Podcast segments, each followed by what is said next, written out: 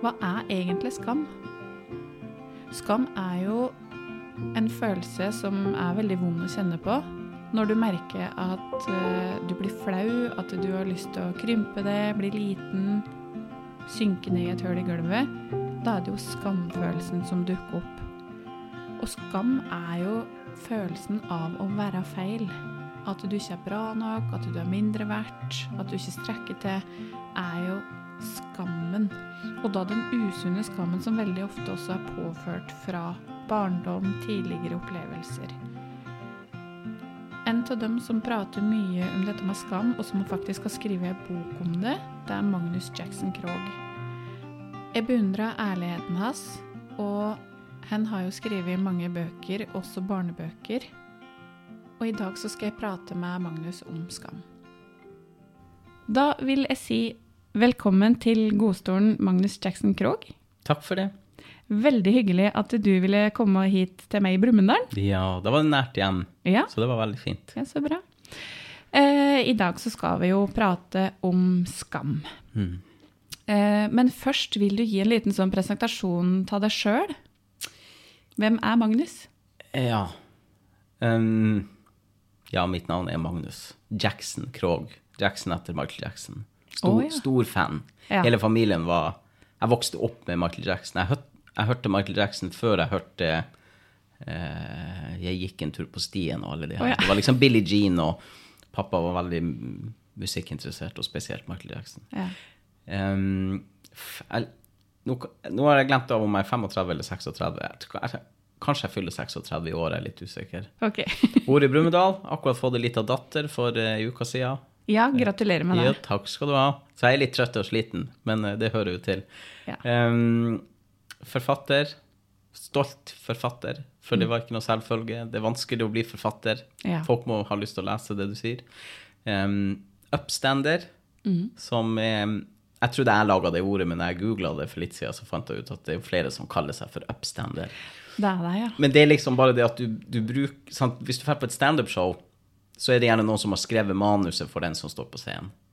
ja. Eller de har skrevet det sjøl. Jeg var på Gardermoen i over i går, men de var jo ikke det. Men, sant? Så det Ja. blir mer som ei, et skript av forestilling. Men for meg så, så handler det om å faktisk bruke min historie og se humoren i det, samtidig som du på en måte tar kontroll over din egen stemme. Sant? At du ja, at du gir de de egen historier anerkjennelse, og ser humoren i det. Og du må se humoren i det, for hvordan Vi overlever ikke uten humor. Vi er nødt, eller jeg tenker at vi er nødt til å ha humor på de svarte Absolutt. tingene. Ja. Absolutt.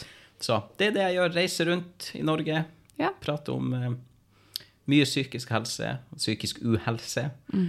Um, ja, og te temaene i bøkene er jo også ofte uh, kanskje de litt dype tingene i livet. Ja. Som, som jeg tror vi alle bruker Netflix og sånn for å unngå å tenke på. Men for meg er det alfa og omega at jeg er klar over hvordan jeg har det. Det kan ikke komme en sånn eh, bang. Nei. Hadde jeg det ikke bra likevel, liksom. Det, jeg kan ikke sjanse. Jeg har gjort det før, og det går ikke bra. Nei, ikke sant. Mm. Mm. I dag så skal vi jo prate om skam, som jeg sa. eh, hva Hvis du skal si noe om skam, eh, hva tenker du når jeg sier ordet skam? Skam er eh, en av mine nærmeste følgesvenner, egentlig. Em, vi snakka litt om det før vi gikk på her også, at jeg skrev en bok som heter 'Fra skammekroken til skam'. For jeg var i, i Nord-Norge og hadde forestilling for noen år tilbake, i Tromsø. Og det var tjukt med folk, og jeg var på scenen og så jo ikke publikum, for jeg hadde jo lyskasterne i i øynene. Og så midt i salen står det en mikrofon.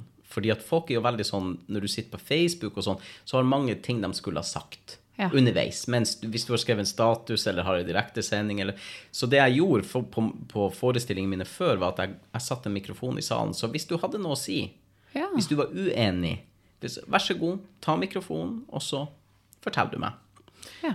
ikke så mange som gjør det. Det er tryggere å gjøre det hjemme på PC-en og sånn. Men, eh, men man ga i hvert fall en mulighet for folk å gjøre det. Og mens vi sitter, jeg og eh, scenemakkeren min da, så hører vi plutselig i, i høyttalerne 'Hallo, Magnus'. Og du vet, vi skvatt jo til, for det hadde jo ikke skjedd for at noen avbrøt oss. og så, så sier jeg 'hallo'. Det er hun og så sa hun hva hun het. Ja. Helene. Ja. Det er hun Helene. Vet du, jeg hadde deg i barnehagen, Magnus, og du vet med en gang, jeg har ikke truffet noen på, fra min hjemplass på mange herrens år. Um, så sier hun, jeg hadde deg i barnehagen, Magnus, og du var en så god gutt, men det var aldri noen som så det, for du satt alltid i skammekroken. Og Ja. da, det klar, for det første begynte jeg å grine. Ja, jeg fikk frysninger nå. Hun, hun ga meg egentlig en bekreftelse på det jeg alltid har følt. At, Ja, eh, ikke sant? det var, det var noe hele tida, noe negativt med meg. Alltid. Det, og vi kan komme tilbake til det, men det var alltid noe. Ja. Um, og selv om du slipper ut av skammekroken, som jeg, altså du slapp ut, Mm. så tar du det med deg videre. Du, du, et barn forstår jo nærmest ikke forskjellen på rett og galt. Nei. Så når du straffer et barn uten å sørge for at barnet forstår det, Mm. sant? Em, at du glemmer av at du altså jeg er voksen, men det her er et barn. Når, når den linja blir viska ut, så eh, er det sjansespill på hvordan de her ungene kommer til å få det når de blir eldre. Fordi at de vet ikke hva de må gjøre. De bare, noe er galt. Og Absolutt. mest sannsynlig med meg. Ja, for det blir jo en sånn derre uh, Skapes en sånn derre kjerneantakelse, en følelse av at eh, jeg er feil. Mm, Skam er jo følelsen av å være feil. ja.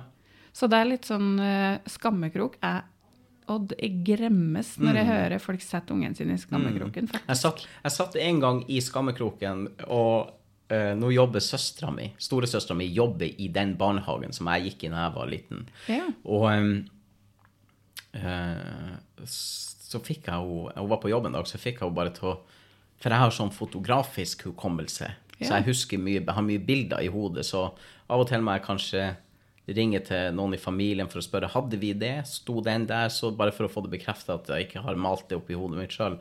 Så jeg snakka med søstera mi en dag, det var, still, det var i koronaen, da det var ikke noen unger i barnehagen, men hun var jo der på, i, på jobb for det om. Og da fikk jeg henne bare til å bekrefte noen ting. Og grunnen til det var jo fordi at um, en gang jeg ble satt i, i skammekroken, så glemte de meg av inni der. Så jeg satt der i nesten sju timer. Oh, herregud. Eh, og jeg kan huske den dagen. Jeg kan huske at jeg funderte på hva, at jeg skulle gjøre ting da jeg var ferdig. For du blir så, jeg bare satt, satt i et hjørne uh, i en sånn stol med sånn bøyler på. Så jeg kom meg ikke ut av stolen heller, så jeg ble jo bare sittende der. Sant? Um, og i jobb Nå har jeg jobba med en ny bok, som den kom i fjor sommer, som heter 'Livet jeg overlever'. Ja. Og inni der er det selvfølgelig mye skam. Ja. Og fordi at vi sier ofte at ting blir bedre, og at uh, ta tida til hjelp og alt det her. Og, for, og, og mange bruker det som en sånn trøst på, til seg sjøl, eller til ja. Noen ting blir aldri bra. Og, og det handler ikke om å gjøre seg til offer eller noe, men det handler om å innse det. Sant? Hvis du hører folk som har mista et barn, eller mista noe veldig kjært, så sier de at eh, det forsvinner aldri, det savnet. Eh, Du lærer deg å leve med det. Og når du føler at hele barndommen din og oppveksten din har på en måte vært ofra, den er borte, du har mista den, du kan ikke gå Nei, det forsvinner jo ikke. Det forsvinner aldri. Det er jo med det i den emosjonelle ryggsekken. Ja. Du drar det jo med det videre. Og så er du forma av det. sant? Jeg, jeg ser ofte at jeg gjør avgjørelser og snakker om og sier ting og i forbannelse og alt mulig, hvor jeg er nødt til å stoppe og tenke at det her er ikke den jeg skulle bli. Nei. Sant? Jeg skulle ikke bli mislykka. Jeg skulle Jeg hadde store drømmer. Sant? Jahn Teigen ga meg drømmen da jeg var fire år. Da sto jeg på scenen med Jahn Teigen. Han lot meg få, få ha et show med han. Ja. Og eh, han er et familiemedlem i vår familie, fordi han ga meg drømmen før noen sa det der får du ikke til, Magnus. sant? Ikke sant. Em, og der er et knips et bilde av meg og Jahn Teigen hvor vi står på scenen, og hvor jeg ser opp på han med den her Jeg holder en mikrofon, den er altfor lang for lille meg, og, og jeg ser opp på han, og du kan se at jeg tenker at det er det der jeg skal gjøre. Ja. Så, så men, men ja. Så, så skam for meg er en sånn følgesvenn som jeg omfavner litt òg, at uten skam så hadde jeg ikke gjort noe kanskje som Altså, jeg hadde ikke kunnet hjelpe så mange barn som jeg gjør nå. At jeg, at jeg møter tusenvis av barn. Jeg møter flere barn i løpet av et år enn det folk gjør i løpet av et helt liv, liksom. Ja. For jeg besøker så mange skoler, og, og de skal selvfølgelig prate etterpå, de står i kø Ja. for å fortelle deg noe, eller for å si noe, eller Um, ja. Deler du da også i forhold til skam og sånne ting, eller? Ja det, Kjenner de seg igjen i det? Er er det unger som på en måte merker at oi, dette kjenner jeg meg igjen i? det er veldig merkelig at jeg kan gå på scenen Forestillinga mi heter Jævelungen, og jeg kan gå opp på scenen Jeg bruker akkurat det språket jeg gjør nå. Jeg bannes. Jeg bruker mm, ord som folk ikke liker. Men det gjør også at de hører etter. Ja. For at uh, jeg lærer dem ikke noe nytt. De kan alt det jeg snakker om. Og, og min tanke er også at um, hvis noen vet hva du prater om, så, så vil de si det til deg. Hvis de ikke skjønner hva du prater om, så enten liker de deg ikke, eller det var kjedelig, eller Ja. og de ser på klokka og telefon. Jeg er litt bortskjemt, for det skjer ikke meg veldig ofte. Nei. De er med på alt, alt jeg snakker om. De, enten er det dem sjøl eller venninne. Ungene er ikke dumme. Det er jo det som er at jeg har hatt et sånn skrudd forhold på at jeg skal ikke, for noen år tilbake, nei, jeg skal ikke ha oppdrag på skolen. Jeg skal ikke møte ungdommen og ungene, ikke sant, for jeg når ikke frem til dem. Um, og så fikk jeg et oppdrag uh, på en litt mindre skole med 100 elever eller noe sånt, og vi hadde jo en helt suveren bra dag, og hadde så mye gode samtaler med de ungene etterpå, ikke sant. Ikke sant? Så, um, og, og det er ofte det er skam. Det er ofte skam ungene går med at det kan jo ha skjedd mye, eller at de ser på seg sjøl, eller sant. Skam er ikke nødvendigvis det ene eller det andre. Det er kanskje litt opp til deg sjøl å definere hva din skam er, Absolutt, ja. Så, men at det er fullt av, eh, fullt av skam i den norske ungdommen, ja, det er det. Og så tenker jeg jo eh, Jeg mener jo at altså, skammen er jo en følelse som på en måte oss har med oss, som skal si fra hvis vi gjør noe galt. Men så tenker jeg også at uh, mye av den derre uh, uekte skammen mener jo jeg er skapt på bakgrunn av hvordan du har blitt møtt i barndommen. da. Og hvordan du har blitt snakka til. ikke sant? Har du blitt fortalt at du er dum, eller at du ikke får til noen ting, og sånne ting, så skapes jo den der skammen. Jeg har eh, Nå hadde ikke jeg den lappen, men jeg hadde tatt med meg feil lapp. Jeg tok med en pakkelapp istedenfor. Men jeg bruker å ha med meg en lapp som jeg legger foran, Ja. hvor det står 'Snakk sant, Magnus'. Og så står det bare noen stikkord til meg sjøl, som jeg, nå når vi sitter sånn her, så kan jeg gløtte ned på den og minne meg sjøl på om at eh, det livet som jeg hadde som barn, er ikke mitt liv, på en måte. sant? Visste ikke bedre. Jeg bruker å si at av og til er det å være barn unnskyldning nok for å ikke, eller for å gjøre. Hvis du knuste den ruta, eller hvis du ødela den VHS-spilleren, som er jo sant, 90-tallet og Ja. sånn. Eh, av og til er det å være barn unnskyldning nok. Jeg går jo fortsatt Jeg går jo fortsatt um, Og det kommer alltid til å ligge der at, at jeg ikke er god nok. Det vil alltid ligge rett under overflata hos meg. ikke sant? Og jeg Ja. blir veldig emosjonell. Jeg blir lei meg. Fordi at em, jeg vet at det er ikke meg. sant? Det er noe som er em, Jeg liker ordet indoktrinert. Jeg er veldig glad i det ordet. yeah. fordi at eh, fordi at det er det som skjer. sant? Vi, vi eh, hvis noen kaller deg en idiot lenge nok, så er det det du går og tenker om deg sjøl. Og jeg hadde veldig mange voksenpersoner rundt meg som, som eh, ja, ikke var snill. Ja. Og jeg skal bare ta et eksempel, for jeg satt på i direktesending her om dagen og snakka om det. og Kjøllefjord er jo en liten plass i Nord-Norge, ikke sant. Og eh, jeg hører på dialekta di at du er sikkert ikke fra den største plassen sjøl. Og da kan man kjenne igjen det her med at um, alle kjenner alle, man ser de samme ansiktene og sånt noe. Og jeg er fra en liten plass som heter Kjøllefjord. Og eh, et veldig lukka samfunn. Og hele vinteren så er jo veiene stengt, det er dårlig vær, kommer ikke fly, kommer ikke båt. Så det er liksom Kjøllefjord, når jeg vokste opp, det var hele verden. Alt som var utafor fjellene og ut havna og sjø, altså Ja. utover i fjorden, det, det kunne være hva som helst. Sant? Jeg kunne drømme om hva som foregikk der ute på andre sida, langt der borte. Ja. Og um, den nærmeste byen til Kjøllefjord, virkelig by, med et amfisenter og det var liksom Alta. Det var storbyen, sant, og det var stort for folk fra, altså for oss i Kjøllefjordinger å dra til Alta, ikke sant, og det var var fremmedfolk, og det var, jeg tror de hadde rulletrapp der og greier, det var stort. Og en gang vi var der borte, så, og jeg må jo si også det at um, alle i Kjøllefjord visste hvem jeg var. Jeg var jævelungen. Det var det var han Magnus. sant? Derav heter jo forestillinga mi Jævelungen, fordi jeg har fått mange kallenavn opp gjennom årene. Oh, ja. Jeg ble kalt for Mugli, og jeg ble kalt for Magnus Jackson, og jeg ble kalt for han artige fra Nord-Norge, sant? masse sånn, eller Oluf junior, masse ting. Men Jævelungen er det som er mest Det som jeg syns er det det som beskriver mest. Sant? Hvis, noen, hvis jeg hører eller leser Jævelungen, så Ja. er det meg. Sant? Så det er Ja. mitt kallenavn. Og jeg ser ikke på det som noe negativt. Gjerne kall meg det. Det er helt greit. Ok. Men, eh, men så var vi i Alta. Og så var vi på Kubus eller Hennes og Maurits, og så står jeg ved et stativ der inne, som klesstativ, og bare venter. Sikkert ganske utålmodig, for det var nok kjedelig for meg å være med på. Og så hører jeg en stemme bak meg som sier 'Hei, Magnus, er det du?' Og så snudde jeg meg, og så var det en annen kjøllefjording, en voksen mann, som jeg visste hvem var, for han var litt pengesterk eh, i Kjøllefjord, og man visste hvem han var Ja. litt sånn alvorlig kar. Jeg har aldri snakka med han før. Eh, Men så han jo på gata hele tida, og navnet hans var på mange plakater og sånn. Og så sier han 'Hei, Magnus, er det du?' Og så ble jeg nå litt forfjamsa, men jeg er jo ikke noe sjenert, så jeg sa jo 'ja, ja, hei', og så sto vi nå og prata litt der og sånn, og, og så gikk han nå videre. Og vi for tilbake til Kjøllefjord, og noen dager etterpå så treffer jeg han på gata i Kjøllefjord. Og så sier jeg 'hei, er det du som er ute og går?' Og så ser han ikke på meg engang. Han bare totalt overser meg, ikke sant. Aha. Eh, for da var vi i Kjøllefjord. Så da, Da kunne sikkert. ikke han snakke med jævelungen, ikke sant. Så, så jeg vet at mitt forhold til meg sjøl om at jeg føler at jeg har ikke en plass, jeg passer ikke inn her Du kan merke når jeg blir snakke om noe jeg virkelig kan. For da blir jeg veldig skjelven i stemmen, og jeg blir veldig um, re eh, jeg skal holde noe tilbake hele tida, for jeg er redd for å si det. For at det er um, ikke flaut, men det er så nært meg som du kommer, ikke Ja. sant. Um, det som har skjedd i det voksne livet, er ikke noe problem. Det forsoner du deg med kanskje ganske kjapt. Men det som er barndommen, får jeg ikke gjort noe med. Nei. Så det vil alltid ligge der som en sånn eh, et sånt sår som jeg fortsetter å plukke på. For det er det jeg jobber med. Så jeg, jeg er nødt å være der hele tida. Så jeg lever like mye voksen-Magnus som barne-Magnus. Så jeg føler like mye skam nå som jeg gjorde da.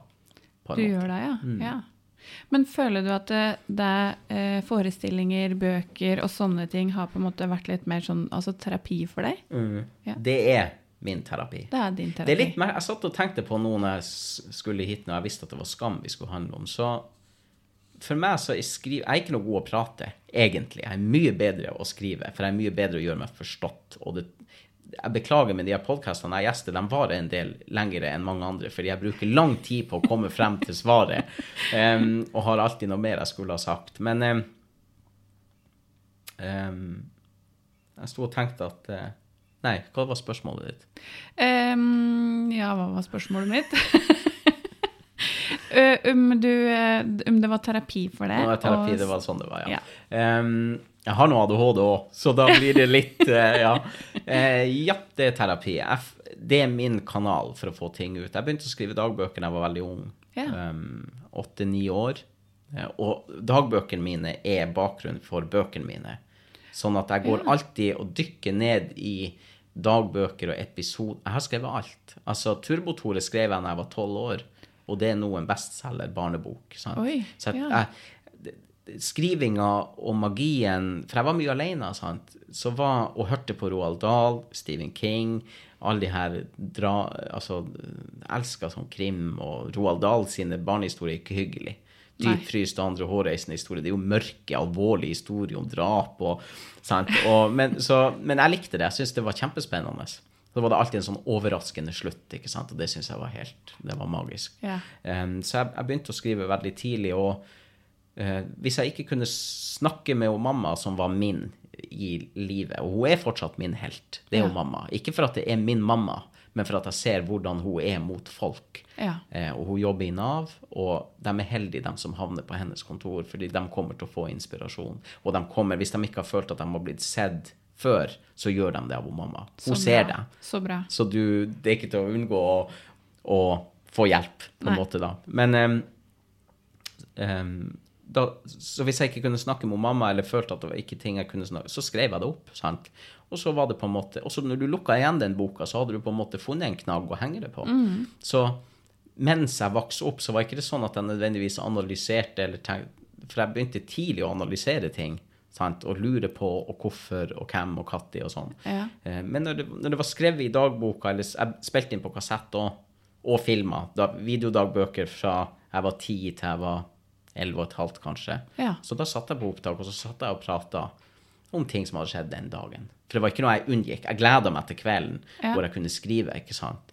Og så kunne jeg gi oppdatering på å, jeg var så forelska i henne. Har hun sett på meg? Har jeg, sant? Så, um, men det, det, Og det er fortsatt min kanal. Når jeg går inn på kontoret uh, og setter meg ned og åpner et Word-dokument, så er jeg aldri i tvil om hva jeg skal skrive. Det, det, bare, det, det ligger der. Halvtenkte tanker som plutselig er ferdig tenkt.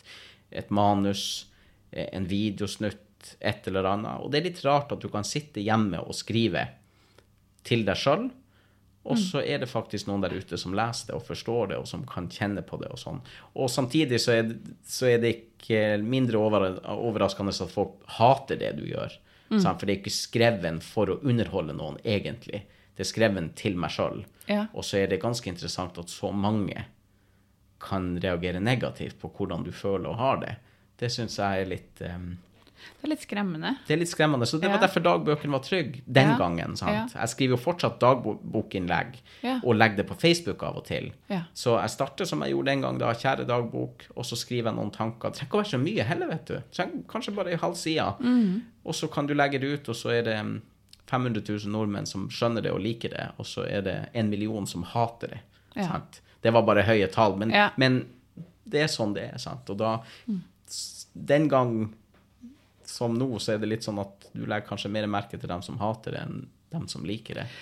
Ja, det er jo klart. Altså, det er litt sånn derre Får du ti positive kommentarer, Mm. men en negativ, så er det jo det negative som på en måte brenner seg litt fast og blir litt sånn Det Går og merkelig. tenker på og Det er merkelig at det Ja. er sånn. Jeg, jeg, det slutter ikke å forundre meg. For at, nå er jeg blitt tøffere med årene og skjønner at de har sine behov, og noen kommer fra det og det, og jeg må lære meg, og har lært meg til dels å tenke at uh, du var dem en gang.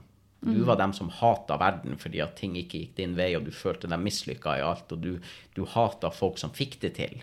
Sant? Det husker jeg veldig godt, at jeg kunne sitte og se på TV og artister og forskjellige ting og bare mislike dem fordi at de fikk det til. Ja. Og de strålte en, en glede og, og ting som Jeg ville det, sant? fordi Ja. jeg vokste opp glad, og så ble det sakte, men sikkert ødelagt underveis i, i barndommen. sant? Em, og, det, og, og det kommer ikke fra barn. Jeg, ikke, jeg ikke, min barndom er ikke ødelagt og prega pga. andre unger. Det er ikke på en måte, det er ikke den mobbinga på Nei. skolen og sånne Nei. ting. Nei. Jeg brydde meg ikke om mobbing. Jeg ble kalt for dvergen, og, og um, sa helt sikkert ting sjøl som ikke var bra, og som ikke var pent, men jeg kan ikke sitte som voksen og, og jeg har liksom gått litt videre fra det. Jeg har bedt folk om unnskyldning som voksen. Jeg har ringt til folk, jeg ringte på døren eller kasta en stein inn vinduet eller gjorde ting som ikke var bra. Jeg har bedt om unnskyldning for det. Satt meg ned og ringt til folk og sagt unnskyld for ting jeg For det, det Hadde jeg Jeg tror at hadde jeg blitt sett og hørt og eh, fått kreativt utløp Hvis jeg hadde fått gjort ting annerledes, så hadde ikke den sida i meg kommet fram. Vi har alle de sidene. Vi har alle de sidene i oss hvor vi kan si stygge ting, hvor vi kan hate noen uten grunn, Ja. hvor vi vi, vi har alle, Hvis vi sier noe annet, så tror jeg vi lyver. Mm. Vi trenger ikke å gjøre oss bedre enn det vi er menneskelige, alle sammen. Det er klart det er lettere for et menneske å portrettere seg sjøl som lykkelig og flott når du tjener millioner på å gjøre akkurat det. Og er det noe vi har lært av Johnny Depp-saken, eksempelvis, så er det at når folk er avhengig av at du er glad og lykkelig og ikke har noen problemer. Er, for at du skal ha inntekter og betjene lånene dine og alt det her, så må du fake det. Selv om du blir eh, mishandla, selv om du har et alkohol- eller, eller rusproblem. Sant? Og, um, og det står nok av folk til, som heier på deg når du faker det. Sant. Og for meg så Jeg tror grunnen til at, til at jeg har det bra, er for at jeg har bare stoppa opp. For jeg har vært der sjøl, Ja. hvor jeg skulle overbevise alle om at ting var kjempeflott, hvor alt ordner seg, hvor det var livet mitt før, og nå er det sånn. sant? Fasaden, Fasaden, ja. ja. Mm. Um, og det stopper seg sjøl til slutt, altså. Det gjør det, tror jeg, for alle Mm. um, som faker det. For du kommer bare så så langt, og så det er kroppen din som sier stopp. ja, det er sant? det. Du, du skal bryte ut av et eller annet. Sant? Men Mm. Når jeg vokste opp, så gikk jeg inn i en rolle. Sant? Vi snakker ofte om klassens klovn. Ja. Jeg gikk helt bevisst inn i den rollen. Jeg brukte humor som en forsvarsmekanisme. Jeg Det vil si at når jeg fikk andre til å flire, uansett hvorfor, så var det en reaksjon fra dem. sant? Ja. Jeg, jeg følte en mestring i å få folk til å flire. Og, og jeg kunne gjøre hva som helst. Jeg kunne gjøre absolutt hva som helst. Du kunne ha bedt meg om Altså, vi snakker om jævelungene. Og grunnen til at jeg reiser rundt med jævelungen, er for å fortelle folk den sida av em, den oppveksten. Det at du gjør alt for å få innpass. Ja. Det at du Det er jo et Det- behov for å bli sett. Klart det er det. Du skal ha en form for aksept. sant? Ja. Og du, du ser at folk står i gruppe, og du vil tilhøre de i gruppen, og vet ikke de sosiale spillereglene, eller kan dem ikke, eller har ikke skjønt dem. Og, og sinne og, og latter og alle de her følelsesmessige tingene som vi uttrykker For meg, når jeg var barn, spilte ikke noen rolle varsla hva av det jeg klarte å få frem hos folk. Det bare ga det meg en reaksjon. Ja. Ja. Så, så jævelungen nå er det jo skam vi snakker om, men alt det her går under det samme. ikke sant? Fordi hvis du har store komplekser, altså sliter med selvbilde og mestring, og alt det her går i, sammen i hverandre. Ja, ja. Og for meg så resulterte det i en så stor skam for identiteten jeg hadde den gang da. Altså, vi får ikke identitet, den ordentlige, den vi den kommer jo litt sånn Sen- ja. ja, litt senere i livet. Men, men jeg prøvde å innta en, en rolle, og det ble klassens klovn, og han gjorde alt. Ja. Og um, ja, jeg er nå fortsatt litt klassens klovn, men i litt ryddigere form nå. Og jeg skader ingen med det jeg gjør, men jeg, men jeg gjorde nok det. Så jeg, jeg prøver ikke Jeg har nok prøvd, prøvd på en måte unngå å snakke om det, fordi at jeg ville ikke at folk skulle tenke at jeg var en mobber, f.eks., eller at jeg um... Og så, så tenker jeg veldig ofte så er det jo også eh, Mobberen er jo dem som ikke har noe god sjølfølelse Ja, eller sjølbilde og sånne ting. Mm. For det handler jo om sjølhevdelse, heve seg over andre. Ja. Og så sa du tidligere at eh, eh, du har ADHD. Mhm. Og så kan jeg tenke meg da, når du da blir satt i skammekroken i en stol, på en måte da med bøyle rundt, Mhm. og blir sittende der lenge, Mm. og så har du ADHD og trenger å få utløp. Mm. Altså, jeg, hvordan var det for deg? Altså, om du satte meg i en skammekrok med bøyler eller i et klasserom uten bøyler, det er Ja. akkurat samme. Ja. Sant? Alltid når jeg ble satt inn i en, inn i, en um, i noe hvor, hvor jeg enten skulle sitte i ro eller ikke kunne prate Altså hvor jeg rett og slett ikke kunne være. Ja. Altså bare være den jeg er. Ja. Så, så, så var trangen til å gjøre det enda større. Det blir Ja. litt som at du skal ikke flire i kirka. Skjønner du? Sånn at når du sitter i kirka og ikke skal flire, det er utrolig den minste tingen hvor morsomt den blir. ikke sant? Og jeg, jeg, nå er det sånn at i min familie så får ikke jeg sitte sammen med søsknene mine. For vi klarer ikke. Vi klarer ikke å sitte i kirka alle tre og ta alt seriøst. Og det går ikke. Og spesielt ikke for meg. Og jeg har en veldig høy og rungende latter, og den blir hørt. Ja. Og det passer seg ikke inn i en begravelse, eksempelvis, men den kommer. eh, fordi at det ikke er lov. Men det er klart at utfallet ble jo som oftest uheldig for min del. Sant? Det var jo, min oppvekst var på gangen i skammekroken på rektors kontor. Ja. Nettopp av den årsaken. ikke sant? Og, og så tenker jeg også som voksen at eh, Og det her er ikke oppfordring på noen måte, men eh, jeg, jeg hadde ikke bruk for noe av det, jeg, av det jeg skulle lære på. Jeg, jeg lærte ingenting på skolen. Um, jeg måtte ha lært meg det i voksen alder. Ord, betydning av helt enkle ord. Som Ja. ironi, eksempel. Skjønte ikke det før jeg var over 20 år, hva det betydde. Um, mange ting. Og jeg lærer fortsatt hele tida. Mm. nye ord. Som jeg sa til deg med den kaffemaskinen ute i gangen der. Det er ting jeg ikke forstår, ting jeg ikke kan, som er veldig De tingene jeg kan, kan jeg godt. Ja. For det er det jeg har brukt tida mi på. Ja. Andre ting be- betyr ikke noe for meg, og jeg lærer, kan lære det underveis. Nå vet jeg hvordan jeg skal ta kaffe fra sant? så jeg lærer det underveis. Ja, Men det er ikke noe hindring i livet mitt at jeg ikke kan det. Det er bare som vanlig med meg så har ting tatt lengre tid? Ja. og jeg har brukt tida, eh, tida på det jeg syns har vært viktig. Men bare for å svare på spørsmålet, så, så ja, det er klart at det, det som blir veldig tydelig hvis du sitter i et klasserom og ikke klarer å lese, og når jeg sier klare, så hadde jeg utfor... Jeg har jo lest- og skrivevansker oppi det hele, ikke sant? Så, så det jeg, Og du, du ser ikke vitsen. Hvorfor skal jeg lære det her? Hvorfor skal jeg kunne gangetabellen? Jeg vet jeg aldri kommer til å få bruk for den, for jeg skal stå på en scene. Norsk var jeg veldig god i. Ja. Norsk var jeg veldig god i på barneskolen, på ungdomsskolen og på videregående. For jeg ville bli forfatter. Så jeg ville lære det. sant? Så, så alt annet var ikke interessant for meg. Og den dag i dag så, så er det klart at når jeg er på en skole og snakker om det her, altså hva skulle jeg med det? Jeg fikk aldri bruk for blokkfløyta. Nei. Det ironiske er jo at det er jo det folk sier. Jeg fikk aldri bruk for blokkfløyta. Men jeg bruker blokkfløyta på de videoene mine på Facebook, så jeg bruker fortsatt blokkfløyta. ikke sant? Så Ja. alle de tingene som folk fikk, ikke fikk bruk for, det har jeg bruk for. Ja. Og alt eh, Ja, og omvendt, da. Og, og det er litt sånn artig at du sier dette nå, for det eh, jeg har delt tidligere i en podkast også, for jeg har en sønn som har skolevegring. Eh, og skolevegring i form av at han ser ikke poenget Nei. med alt han skal lære på skolen. Han kommer hjem igjen og så sier han, 'Hvor tror du jeg har lært dette her, mamma?'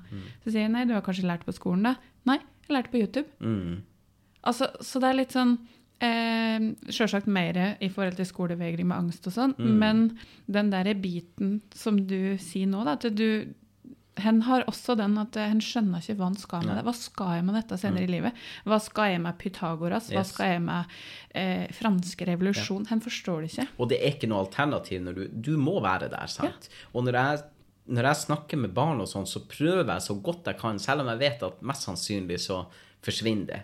Men jeg prøver å si at det her er noe du må stå i. sant? Det er en kamp, det der. Og jeg snakker barna sitt språk, selvfølgelig, men dem- det er bare for å gi dem et ord på veien. sant? Men, men jeg er ikke født i går. Eh, Så jeg, jeg skjønner at det forsvinner, og at den kampen, den, den er lang, og den er tung. Og, og jeg sier russisk rulett, det er det vi spiller med barn når vi gjør det på den måten her. For meg så Jeg skulle ønske jeg, jeg skulle ønske jeg kunne starte en skole, og den skulle hete Kaos.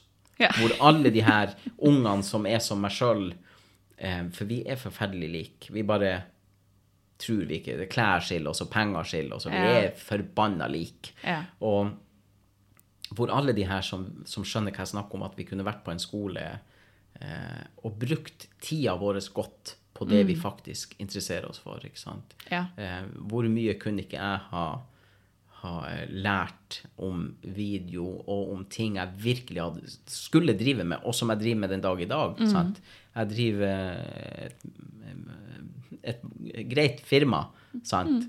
for meg sjøl, og er blitt en gründer. Um, og det var jeg allerede da. Jeg starta campingplass, camping og co. Det var ingen som kom og bodde der, men det var campingplass. Jeg starta en radiokanal. Jeg hadde loddsalg og butikk, ikke sant. Og jeg, sant? Jeg, jeg, det var der allerede da. Sånn at, um, og jeg dansa, ikke sant. Og jeg holdt på med masse sånne ting. Og det er litt synd at når du hører folk som Og jeg har sittet i mange gründermøter og sittet i sånne her eventer og alt mulig, og møter folk som er gründere, og som er skuespillere, og som er store talenter og alt sånn. Ja, jeg skal være forsiktig med å si store talenter. Talenter. Ja. Det er, altså, et talent er noe talent, og så treffer de sitt publikum. Men, um, og ofte så kommer Vi har samme historie. Vi, når vi snakker om skam, og vi snakker om at vi skjulte også at vi det var bare meg i hele verden som likte det her, og som ikke skjønte det her. Vi er ganske like oppvekst, og det er synd. Fordi at uh, talentet og, og trua på seg sjøl kunne kommet mye tidligere, da. Absolutt. Så, Ja. ja. Og så eh, jeg tenker mye i forhold til dette med når det gjelder barn, da, eh, så handler det jo for min del da, å se bak atferden. Fordi at eh, atferd er jo bare et symptom på, eh, på et behov og en følelse som ligger bak der. Em, og når, sånn som det høres ut som når du vokste opp, da, så var det på en måte at du ble slått ned på atferden, og så ble ikke behovet dekt, og så ble ikke følelsen anerkjent, på en måte. Og da kommer jo skam, ikke sant? Jeg prøver jo for denne podkasten og alle andre plasser jeg besøker, så det er ikke mitt forum for å fortelle min historie. Og ofte så har ikke den noe betydning for meg å fortelle, fordi at eh, det er følelsene i det, altså de følelsene du sitter med her og nå, som er viktig, syns jeg, å prate om. sant? Vi kan rippe opp i fortida, vi kan prate om, om stygge ting som har skjedd og sånn.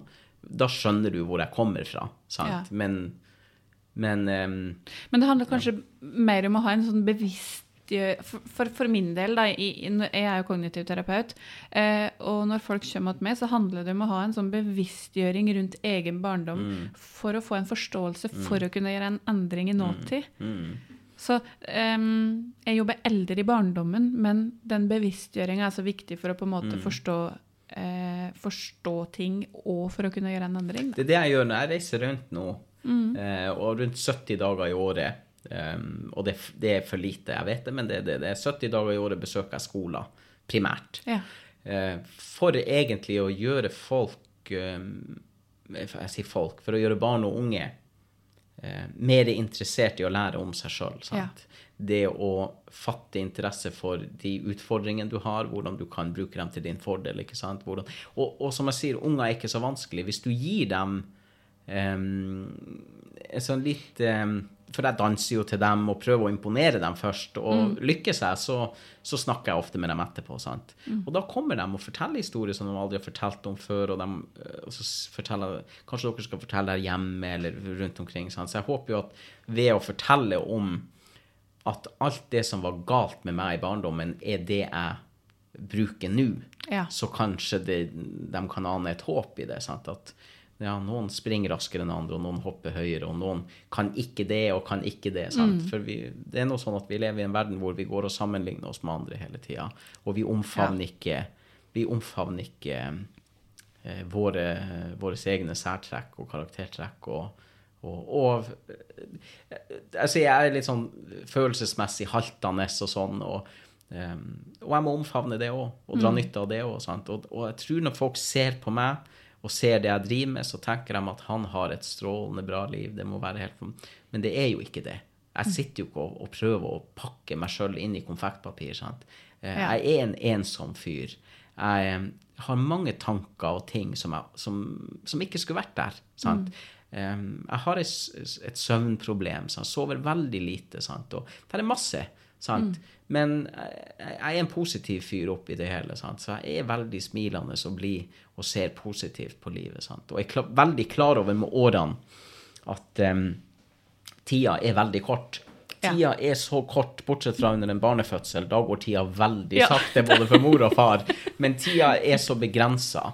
Og mamma er ikke her forever, og søsknene mine og sant? Tida er veldig kort, Ja. så jeg velger hele tida nå hva jeg bruker tida mi på. Og det gjorde jeg nok ikke før. Jeg Nei. brukte mye tid på det negative. Ja. Kanskje mer enn det positive. Når jeg var barn, så gjorde jeg egentlig det samme som jeg gjør den dag i dag. Jeg brukte kvelden, fem minutter eller ti minutter på kvelden, og så la jeg det bort. Ja. Og så sov jeg godt. Sant? sant? Sånn at jeg, jeg gjør egentlig de verktøyene som jeg lærte når jeg var barn. Om jeg lærte meg sjøl det, eller om mamma gjorde det, spiller ingen rolle, men jeg gjorde det. Jeg lærte hvordan jeg skulle fokusere positivt. Sant? Og, og mamma, når hun fortalte andre om meg, så brukte hun å si se på den gutten, er han ikke flott? Han har mye mer energi enn alle de andre ungene. Ja. Det, var, det var aldri noe galt med sønnen hennes. Så mamma Så er liksom for meg mamma, enn alle skulle hatt. Ja. Fordi at um, uansett hva som hadde skjedd i løpet av min dag, og det var ofte veldig stygge ting som jeg ikke gidder å si her Ja. um, Når jeg kom til mamma, så var det glemt. For hun hadde en egen evne til å få meg til å eh, bli positiv med en gang. Ja, ved å stille noen spørsmål, til å, ja, til å kunne um, Så godt. ja.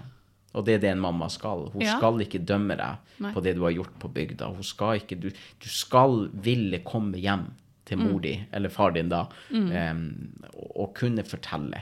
Mm. Sant? Og, og det gjorde jeg. Jeg fortalte om de tingene som jeg Dessverre, må jeg jo si, så fortalte jeg ikke om de tingene jeg burde sagt, men jeg visste ikke at det var galt. Nei. Sant? Nei. Så, og sånn er jo barn. At det, det å skille ja. det som er rett og galt, det, det skal du lære. Mm. Så hvis folk bare skal kjefte på deg fremfor å forklare deg, så kommer du jo ingen Du har ikke lært Nei, noe da. da lærer du ingenting. Nei. Nei. Men du Magnus, jeg har Mhm. fått inn en del uh, spørsmål, for jeg sendte jo um, på storyen min på Instagram, lurte på om det var noen som hadde noen spørsmål til deg. Mm -hmm. uh, så hvis det er greit, så kan jeg gå gjennom dem nå. Ja, ja. Ja. Eh, første spørsmål er hvordan takla du skam tidligere? Altså, at jeg tror kanskje ikke jeg Jeg tror det, det, Jeg takler ingenting, egentlig. Jeg bare finner en måte å forsone meg med det på.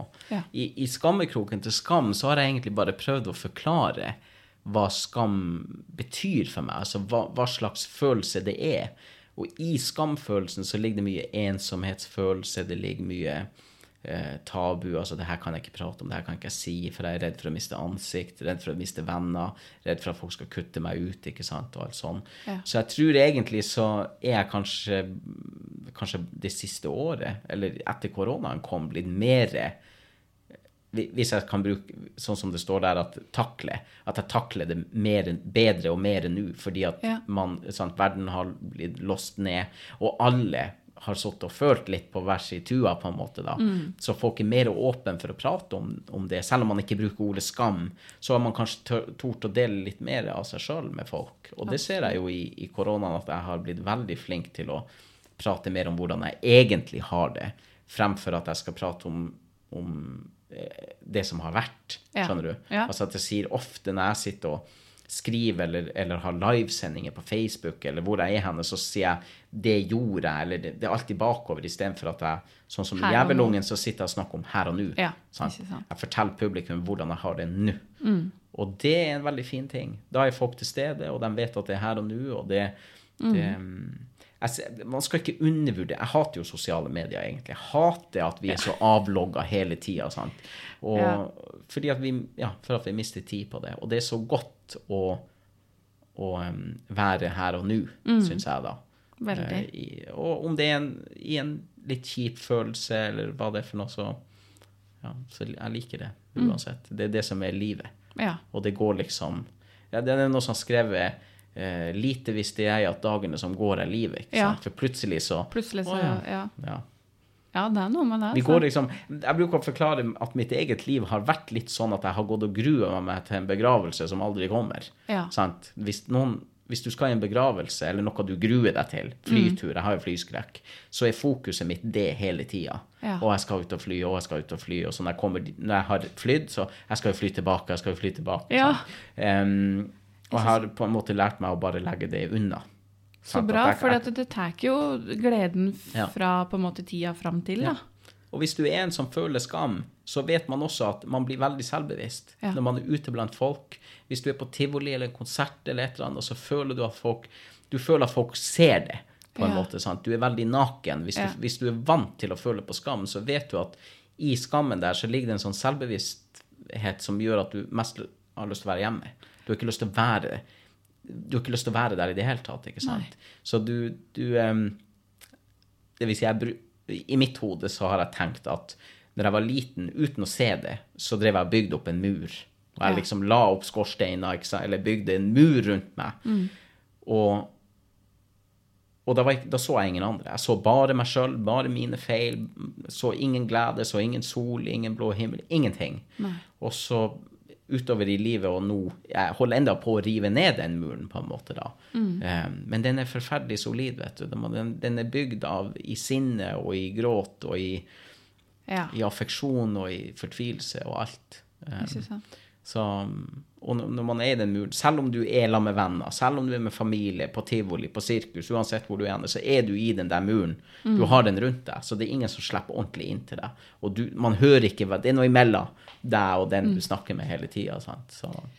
Tror du det handler om en frykt for at hvis de slipper ordentlig inn, så vil det som er innafor De vil ikke like det de Fordi at du ikke er bra nok, Ja. så vil de ikke like det Ja, de det- eh, møter der. Det er jo akkurat det, og det, det, det er derfor jeg har skrevet barnebøker om det. er fordi at han Tore, som jeg har skrevet mye om, og Tina, de skammer seg over dem de er. Ja. Og man, man ser at de prøver å late som noe annet, ikke sant? og så når de blir alene, så er det fortsatt Ting er ikke bra. Ting er aldri bra. Og, og, det, og du er ikke bra, og ting er ikke bra, og plassen du bor på, det er ingenting som er bra nok. Det er alltid noe å plukke på, det er alltid noe feil. Um, og jeg tror ofte at mange som meg, grunnen til at man gjør det, er for at man er redd for at hvis man virkelig begynner å føle og virkelig begynner å åpne seg om de her tingene, så blir livet uutholdelig. Altså det, det, da er livet ikke bra. Ja. Hvis du sier det høyt, eller hvis du snakker om det, eller så bare Da Ikke er ikke sant. livet bra, liksom. Nei. Så ja.